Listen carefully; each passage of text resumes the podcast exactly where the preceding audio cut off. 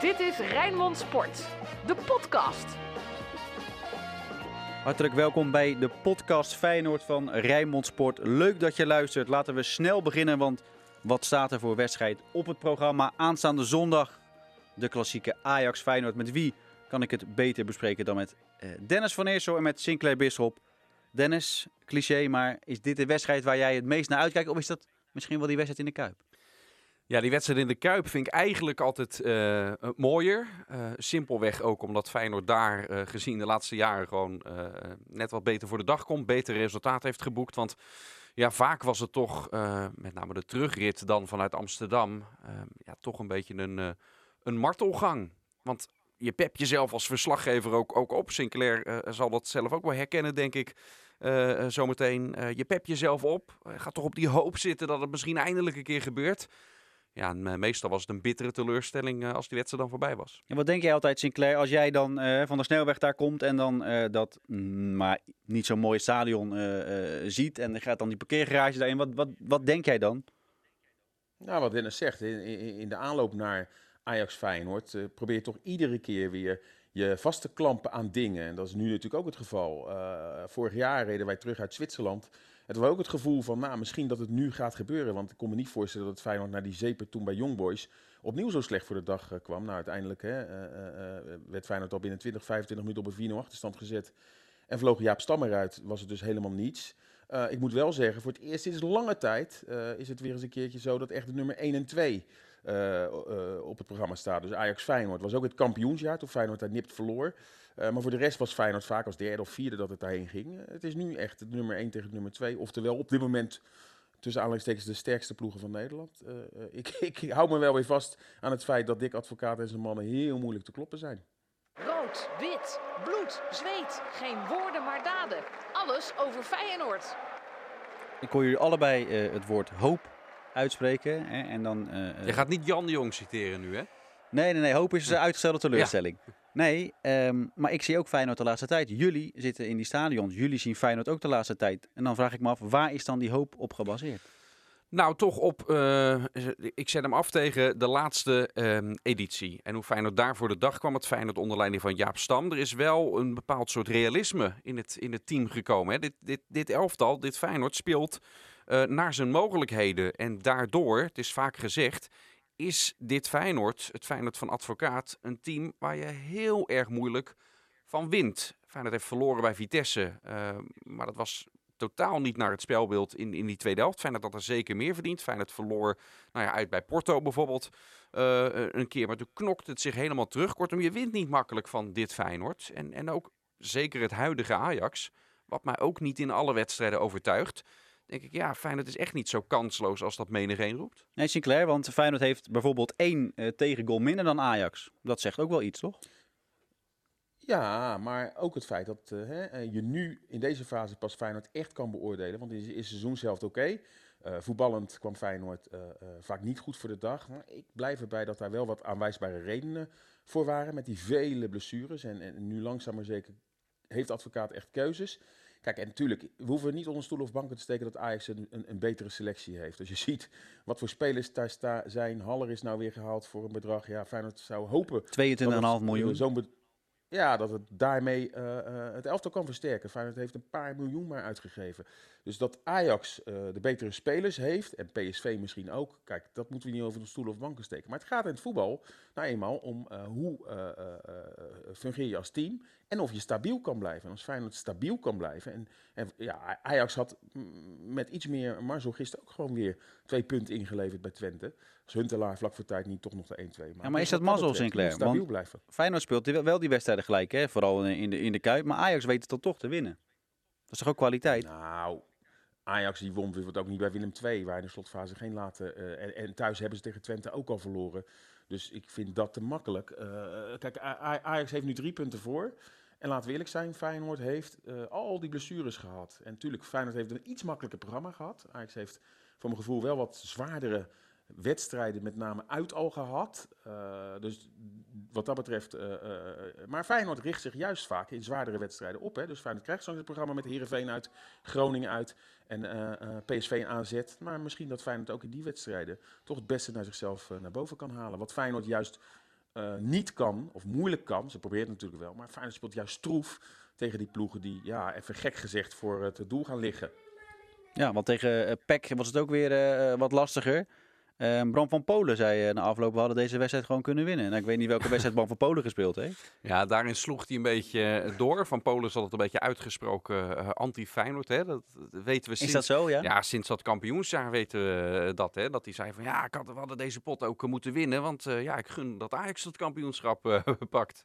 Zo, zo verwoordde hij het. En, en wel vaker zijn er dat soort, dat soort steekjes. Dus ik denk meer dat het, uh, dat het in die hoek uh, zat. Dat hij dat leuk vond om uh, de boel weer even op te naaien. Want als we erover hebben, Sinclair, over die wedstrijd Feyenoord-Pek nog eventjes. Um, er werd gewonnen, hè? Louis Sinistera. Is het dan individuele kwaliteit die zo'n wedstrijd dan openbreekt en uiteindelijk ook beslist? Ja, en dus toch ook het feit dat Feyenoord toch eh, ook verdedigend, vind ik wel, stabieler en sterker is geworden. Want in het eerste seizoen zelf hadden ze misschien deze wedstrijd wel gelijk gespeeld, zoals dat gebeurde thuis Hè, tegen, tegen Twente, tegen uh, Sparta. Uh, Heracles Almelo en tegen Sparta. Ja, en nu met toch die individuele klasse van invallen Luis Sinistera... wordt er dus uiteindelijk uh, gewonnen. En ja, het had in de slotfase nog mis kunnen gaan. Maar dat geluk moet je dan ook hebben. Hè? En ik bedoel, kijk, als Feyenoord echt mee gaat doen om de titel...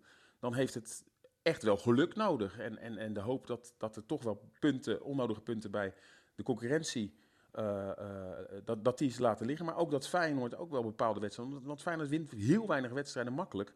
Dus ja, dan moet het wel meezitten. Want het had echt afgelopen woensdag ook gewoon in de aanloop naar de klassieke twee uh, dure punten kunnen inleveren. Dus ja, wat dat betreft moet het wel een beetje meezitten.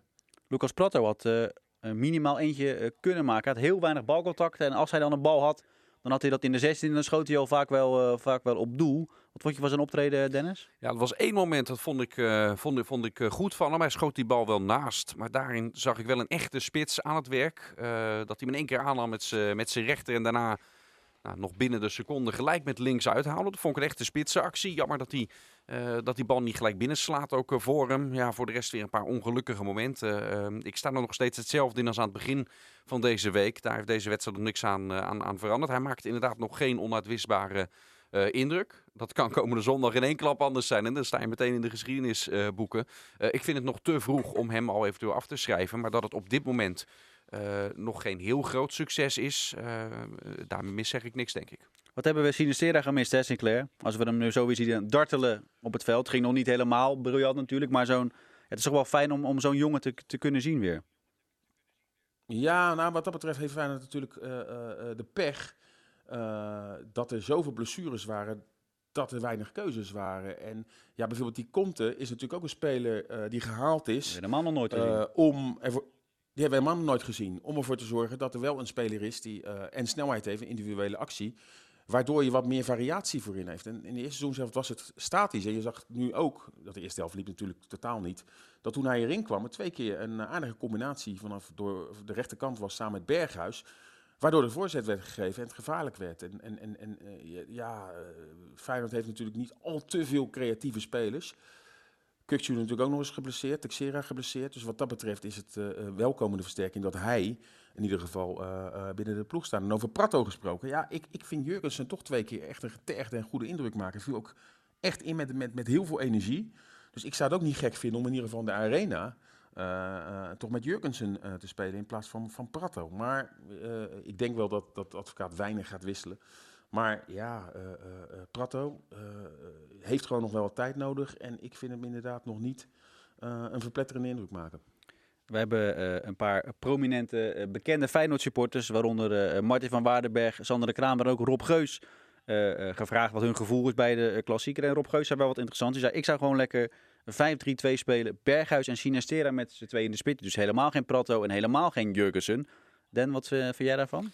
Nou, ik vind dat altijd een tactische variant uh, die, uh, die wel vaker toegepast zou kunnen worden dan, dan dat het gebeurt. En zeker Ajax uit leent zich er wel voor als we kijken hoe Feyenoord daar al nou, bijna van alles heeft geprobeerd. Maar het wilde steeds maar, maar niet lukken. Het regent daar altijd tegen doelpunten.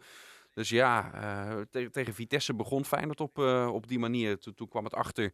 Toen werden er wel uh, veel dingen omgezet en regelde het opeens kansen voor Feyenoord. daarna toen het veel aanvallender stond. Maar in de basis op die manier beginnen. Ik vind dat inderdaad geen, geen gekke gedachte. En als je dan kijkt welke twee heb je voorop.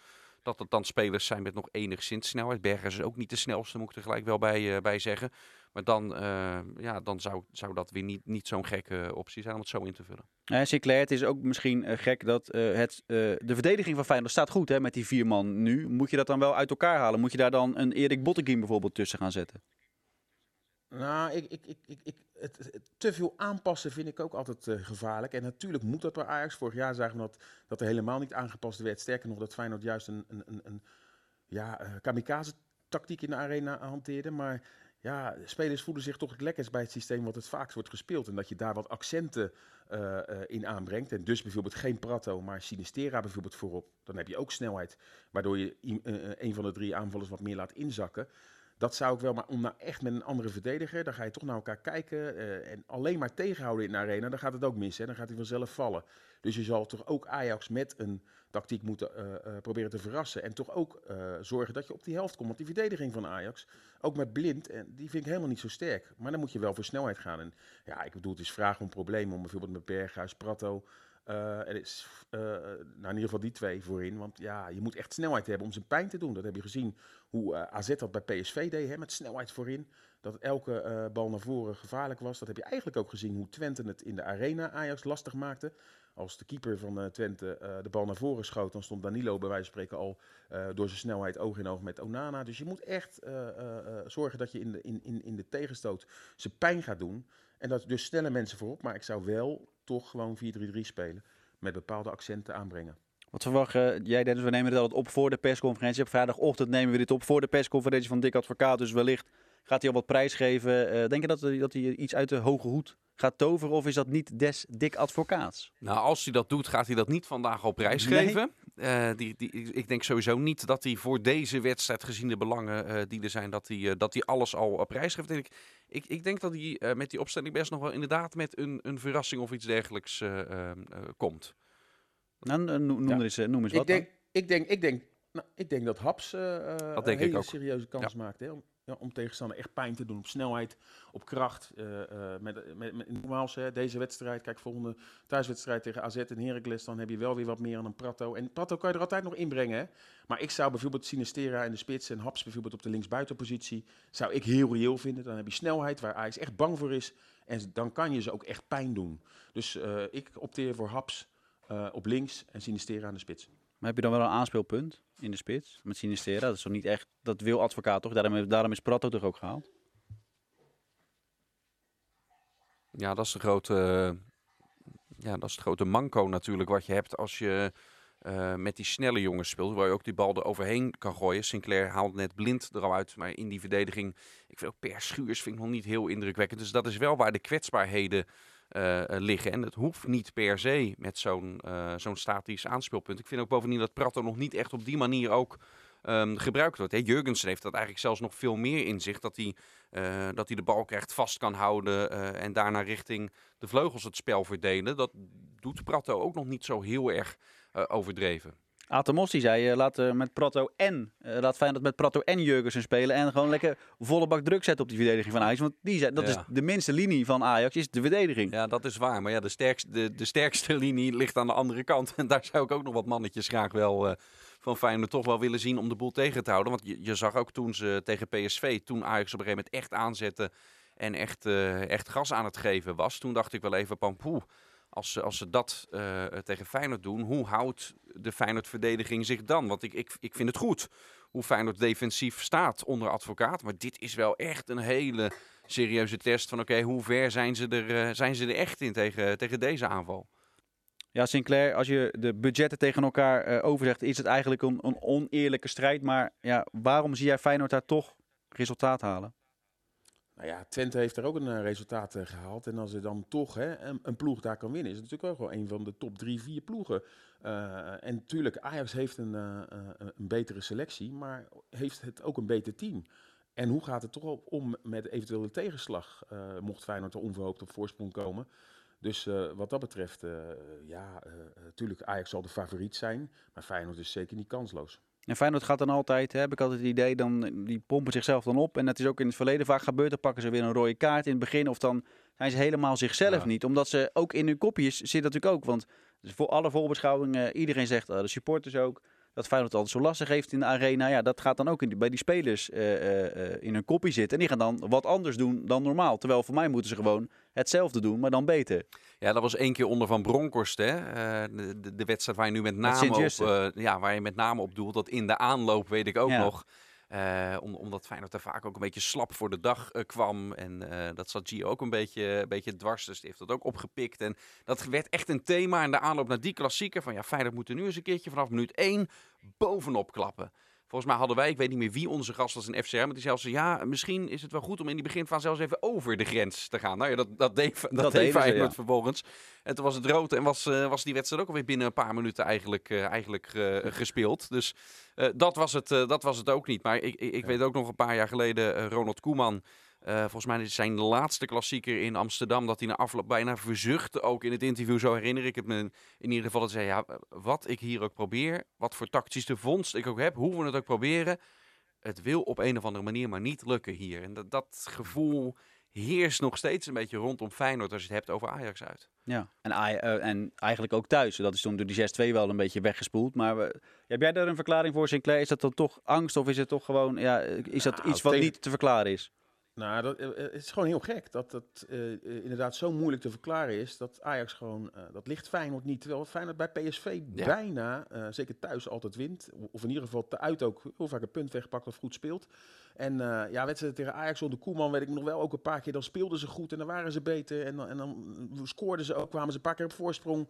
En dan wonnen ze uiteindelijk nog niet. En, en, en inderdaad toen met Van Bronckhorst, die probeerden het toen hè, met een tactiek. En uh, Feyenoord had toen net de pech dat net die, dat jaar de VAR was eh, eh, eh, ingeschakeld. En ja, toen kon Kuipers niets anders toen hij geroepen werd naar het scherm. Hè, want soms willen scheidsrechters een wedstrijd toch een beetje aanvoelen. Dan mag er net wat meer bij Ajax Feyenoord. Maar ja, toen had eigenlijk een minuut daarvoor ook Toornstra met rood eraf gemoeten. Maar dat begon toen ja, zo scherp. En ik weet bijna zeker zonder VAR had er net wat meer mogelijk geweest. Dus ja, Feyenoord ja, probeert van alles. En hopelijk dat één keer die, eh, die code gekraakt gaat worden. Ja, eh, Danny Makkeli is de scheidsrechter dat Feyenoord dan niet eigenlijk Bas Nijhuis nodig had. Want die fluit nergens voor. Nou, bij die 6-2 was Makkeli ook de scheidsrechter. Dat is waar. Dus wat dat betreft is dat dan eh, misschien wel eh, een voordeel. Nee, ik bedoel, je moet ook niet aan- van een scheidsrechter af laten, laten hangen. Je moet ook gewoon zelf proberen voetbal op de mat te leggen. Want als je alleen maar gaat tegenhouden en hopen met één aanval een doelpunt te maken, dan gaat het toch ook een keertje mis. Dus eh, eh, wat dat betreft moet je die modus vinden. Ook weer niet te veel in het mes lopen. Daar zal je eh, ja, proberen de balans te moeten vinden om, om het Ajax lastig te maken. Het publiek is er nooit van Feyenoord hè, de laatste jaren in de arena. Nu is er ook geen Ajax-publiek. Ja, we hebben het er al heel vaak over gehad. Maar zeker in deze wedstrijden, de charme is er vanaf. Ik denk dat heel veel tv-kijkers het niet leuk vinden. Ik denk dat jullie ook in een lege arena zoiets hebben van ja, ja liever natuurlijk eh, met publiek. Maar ga- welke invloed gaat het hebben op zo'n wedstrijd, op, op de klassieker? Nou, was de klassieker in de Kuip geweest, dan was het, dan was het wat mij betreft echt een wereld van, van verschil geweest. Ik bedoel, de kolkende Kuip bij, eh bij Feyenoord-Ajax, dat is, eh, ja, dat is ongekend. Helemaal als Feyenoord dan ook nog eens levert, dan krijg je die wisselwerking, dat is prachtig. Met Van Persie de laatste keer ook. Ja, dat was, dat was, dat was, dat was, dat was super natuurlijk. Ehm, in, in de arena, ja, je hebt dan nog dat, dat, dat keiharde vuurwerk en die smartlappen die vooraf worden. Ja, ik, eh, nee. Vind je niet dat, dat is weer eens verbeterd daar, eh, eh, Sinclair? Je, bent al, je loopt al heel lang mee. Of heb je zoiets van, het is altijd dan een beetje inderdaad me- meelallen en eh, snel, zo snel mogelijk De weer weg? laatste klassieker werd er vooraf, gingen ze Siske in de rad draaien. Nou, Krijgt toch allemaal de kleren? Ja. Nou, weet je wat?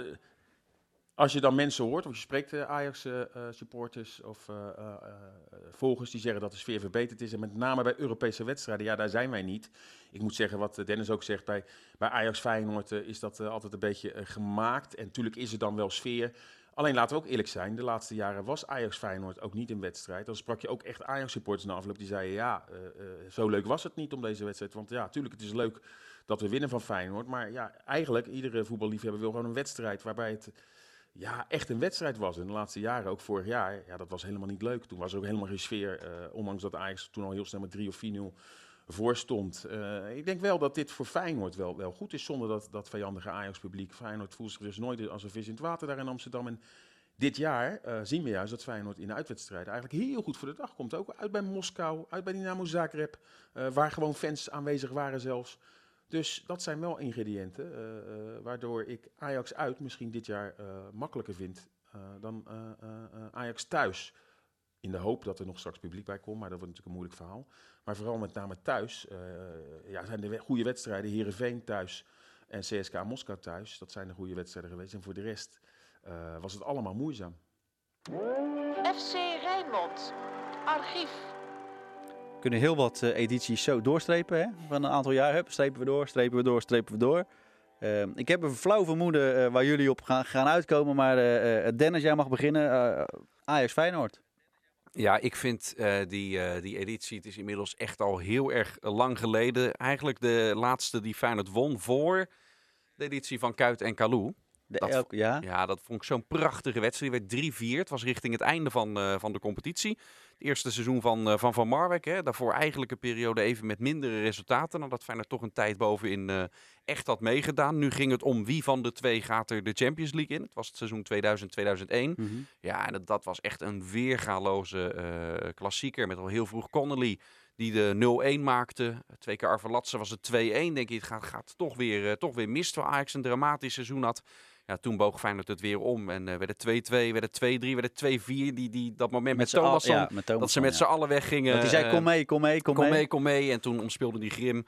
Nou ja, nog een goaltje voor de statistieken dan met, met een 3-4. Maar dat, was, dat vond ik echt een prachtige editie. En ook een van de eerste edities waar ik als, eh, als supporter in, eh, in Amsterdam eh, erbij was. Dus Wel met de lelijkste shirts volgens mij van de afgelopen jaren. Dat, ja, dat, ja, dat blijft altijd smaak. Maar ik vond die shirts inderdaad niet zo... eh, dat waren niet... eh, maar door de herinnering aan die wedstrijd is het opeens toch een mooi shirt. Nou ja, dat is met EK88 ook. Dat zijn de meest lelijke shirts van Nederland ooit. En dat wordt dan iconisch. Hè? Dus dat worden de iconische eh, Feyenoord shirts. Sinclair? Nou ja, ik was eh, als verslaggever bij die 3-4. Dat was heerlijk met David Connolly. Eh, ik heb gelukkig eh, nog een paar wedstrijden meegemaakt. Ook een Supercup op een vrijdagavond. Waar Feyenoord de Power won. Maar ik ga dan toch naar mijn supporterstijd terug. Toen ik eh, ehm, een paar weken daarvoor in Amsterdam was. In het Olympisch Stadion. En Feyenoord was ouderwets afgedroogd. En als supporter was het ook vaak niet leuk naar Amsterdam. Want 9 van de 10 keer ging je ook verve- een vervelend gevoel terug. in de trein naar Rotterdam. En toen was het op een woensdagavond, bekerwedstrijd. En niemand had er vertrouwen in. En ik met een paar maten hadden we zelfs hadden we kaarten. En een van die maten zei ook, ja, ik heb ook tentamen morgen. Ik ga gewoon niet. eh, eh, toen, ik heb, heb hem overgehaald. En eh, uiteindelijk zijn we erheen gegaan. Ook weer onder een mom. Want Ajax won de Champions League dat jaar. Won eigenlijk alles. Nou, dat wordt een nulletje of 3-4. Nou, dat werd zo'n legendarische natuurlijk met Mike Obiku. Feyenoord lang 1-0 achter. Eh, Mario van den Ende zag op een gegeven moment vlak voor tijd in een struikelpartij eh, van Bos eh, een penalty. Feyenoord maakt de penalty, het wordt verlengen, sudden death en Obiku en de rest is geschiedenis. En eh, het is heel laat geworden, dat tentamen van die vriend is nooit doorgegaan. en ik hou het bij die Ajax Feyenoord bekerwedstrijd, waarin ja, Feyenoord van het grote Ajax toen, want Ajax won echt alles, de hele wereld konden ze aan, maar één club niet. En dat was Feyenoord. Ik ben er nog een keer geweest. Ook eh, die wedstrijd eindigde in 1-1. Goal van Van Persie met die duel eerst eh, in de rug van Kivu. eh, van, eh, van Kivu. Toen had ik geen kaart om in het uitvak te zitten, maar ik, weet niet meer hoe. Maar uiteindelijk had ik, had ik kaarten geregeld om gewoon in een Ajax-vak eh, te zitten. Samen met, eh, samen met mijn neef was dat. Wat had je aan? Eh, samen met mijn neef en nog een vriend. Die, die had nog een Feyenoord sjaaltje ook, ehm, eh, eh, ook om. Onder, en hoe is het nu? hoe was het toen met hem? onder zijn jas. Nou, wij liepen dat vak op. En een hele grote, eh, dikke eh, Ajax-supporter. Wij gaan zitten op onze stoel en die, die is al een rij achter ons en die roept... Ik ruik kakerlakken, zei hij. Dus we zaten echt, echt niet relaxed. Maar toen Van Persie die, die goal maakte, we konden dus, ja, konden dus ook niet, eh, niet juichen. Maar ik, ik schijn toen wel vanuit vreugde op de knie van mijn neef te hebben geramd. Ja. En die liet na afloop liet hij het even zien. Een enorme blauwe plek had hij, er, eh, had hij ervan. Het was eh kennelijk nog hard, maar dat was de enige manier waarop het, het juichen toch nog, eh, toch nog kon. Maar hoe beleef je dat dan? Dat is toch verschrikkelijk? Je kan je, kan je helemaal niet uiten. Nee, maar toch, Maar ja, je was er wel bij. Toch, toch een mooie, mooie herinnering. Ah, en die Kivu, die, ken je dat shot? Na, na dat moment dat die Kivu die loopt, loopt bijna met tranen in zijn ogen. Ja. Ik, of zal het vast een beetje Als er, hebben een, aangedikt als, er een VAR, als er een VAR was geweest, telt hij niet, hè? Ja, ja. Maar dat is toch ook de charme? Want we hebben het er nu nog steeds over, toch? Ah, dan Ik gaan we wel, de ik hele, wel, ja. hele andere discussie. 2005 hebben we niet genoemd. eh, eh, eh, ehm, Nee, Ja. maar daar hebben, we, daar hebben wij inmiddels al 15 jaar lang ja, bij maar dat is toch treurig? Elke editie halen we die, eh, halen dat we die toch- uit het dat vet. is iedere keer waar ja, we het over natuurlijk is het hartstikke treurig. Ja, het wordt ook hoog tijd dat die een keertje wordt, wordt ingeruild voor die editie van 2021 met Prato en Sinisterra. En laten we daarvan Ja, uit. toch? De Feyenoorder van de week. Sinclair, als jij Feyenoorder van de week eh, eh, mag noemen, want er, zijn veel wedstrijden eh, deze week. Ehm, eentje waarvan jij zegt, die heeft het goed gedaan, of misschien wel eentje waarvan je heel veel verwacht zondag. Zeg het maar. Louis Sinistera, en ook om hem hard onder de riem te steken. ja, je weet gewoon, als je als voetballer zo zwaar geblesseerd raakt, wat gebeurde vorig jaar uit bij Pek Zwolle, hoe vervelend het is eh, als eigenlijk alles, eh, wat, ja, het hele wereld had hij, had hij, had hij aan zijn voeten. Hè? Hij was de man in vorm en, en, en zo lang eruit. En dan ga je revalideren en in je eentje naar de club. Dan zit je in je eentje als Zuid-Amerikaan in Nederland, familie lang niet gezien. En dan op een gegeven moment kom je er weer bij. Maar het duurt nog heel lang voordat je inge- ingepast wordt. Ja, als je dan de winnende treffer kan maken. Ik zag de blijdschap. Ik leefde met die jongen mee. Hij eh, bedankte God, eh, wat mij betreft, eh, Louis Sinistera. Nick Ja? Marsman. Als Oh, je ja. kijkt naar zijn, eh, zijn cijfers, toch weer de nul gehouden. Dat was zeker niet voor het, eh, voor het eerst. Volgens mij 8 van de 15 wedstrijden dat hij onder de lat stond, had hij de nul gehouden. Ik zag die statistiek volgens mij eh, voorbij komen. Ja, dat zijn gewoon eh, geweldige cijfers die hij kan overleggen. En mocht het hem zondag ook lukken, want daar begint het bij voor Feyenoord om daar weer eens een keer succesvol te zijn in Amsterdam. Om eh, weer de boel eh, dicht te houden. Ja, dan is dat de basis waarvanuit het Feyenoord succes uiteindelijk eh, komt. En eh, toen die onder de lat moest en, en we hoorden van hé, dat gaat voor langere duur zijn. Hè, beide toch uitgeschakeld. Ja, Bij hield- Emmen ging het ook niet goed, hè? nee, hield iedereen toch een beetje zijn hart vast. Dat heeft hij vorig seizoen al een paar, paar wedstrijden laten zien dat hij het best oké deed. Maar hij heeft inmiddels, vind ik, wel een hoger niveau aangetikt dan dat hij daarin eh, liet zien. En eigenlijk gaat het helemaal niet zo gek vaak over de afwezigheid van Justin Bijlo. En dat vind ik eigenlijk misschien wel het grootste compliment wat je Marsman kan, eh, kan geven. Hij doet het, eh, doet het hartstikke goed. Hij heeft een aflopend contract, Sinclair. En ik heb hem eh, daarover gesproken. En toen begon hij in de clichés dat Feyenoord een mooie club is en dat hij het allemaal nog moet bekijken. Maar hij wil gewoon ergens eerste keeper zijn. Begrijp jij dat? Of denk je van, je mag blij zijn dat je tweede keeper bij Feyenoord mag zijn? Ja, je am- ambities mag je altijd hebben. En ik bedoel, eh, eh, het ligt er wel aan waar ben je dan eerste keeper. Ga je, wil je keeper eh, bij RKC? Of wacht je misschien op een mooi buitenlands avontuur? Ik begrijp wel dat hij nu in de positie zit, eh, met een aflopend contract, dat je niet per se eh, nu al je kaarten moet laten zien. Alleen, je moet wel heel reëel zijn. Hij heeft natuurlijk eh, bij meerdere clubs ooit gezeten als eerste keeper. En dat is niet altijd een succes geweest. En, hij weet nu wel wat hij heeft. En, en, en het is natuurlijk mooi om, om toch bij een topclub tweede keeper te zijn. Dus hij zal dat echt die afweging moeten maken. Maar ik kan me wel voorstellen hè, als sporter dat je wil sporten. En dat je gewoon als eerste doelman daar wil staan. En, en, en ja, op basis van wat hij nu laat zien gaan er echt wel clubs komen die deze transfervrije keeper willen halen. Alleen is de vraag, eh, het moet wel een club zijn in mijn optiek, eh, waar die dan echt tot zijn recht komt. En nogmaals, eh eh, eerste keeper bij RKC, ja, blijft dan tweede keeper in de Kuip. Maar als er een mooi buitenlands avontuur lonkt, eh, waarom niet? Eh, iedere sporter moet ambities hebben. Martin van Waardenberg zei, als 0-0 wordt, dan nemen we een biertje en dat proosten we op. Want dat zou alweer heel lekker zijn, een puntje in de arena. Eh, deel jij die mening? Oftewel, wat denk jij dat het gaat worden, Dennis? Eh, op voorhand eh, deel ik die mening inderdaad. En dat is gewoon puur op basis van het, eh, van het recente verleden. Tuurlijk hoop ik, wil ik dat Feyenoord daar wint. Dat mag heel duidelijk zijn. Maar ja, vanuit het realisme, als je nu, hè, je vraagt het nu op voorhand. Misschien is die wedstrijd gespeeld en heb je zoiets achteraf, ja, gelijkspel. Hmm, eigenlijk toch niet helemaal tevreden. Dat kan ook. Maar nu aan de voorkant, als je het vraagt, ja, Feyenoord pakt daar een punt.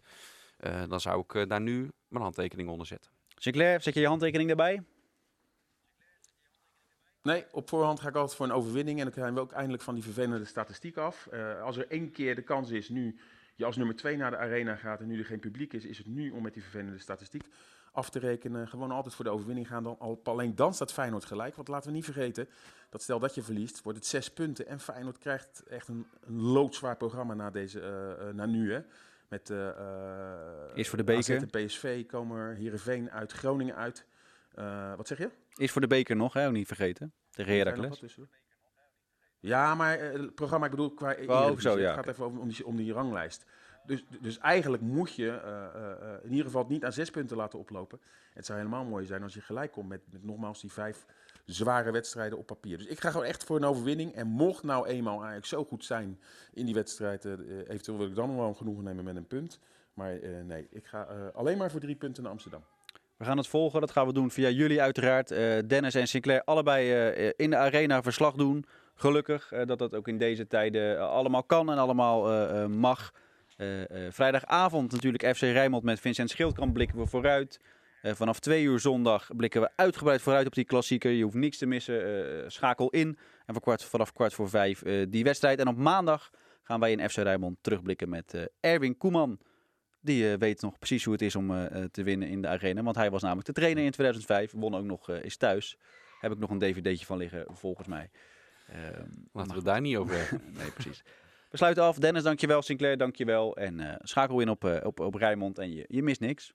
Dit was Rijnmond Sport, de podcast. Meer sportnieuws op Rijnmond.nl en de Rijnmond app.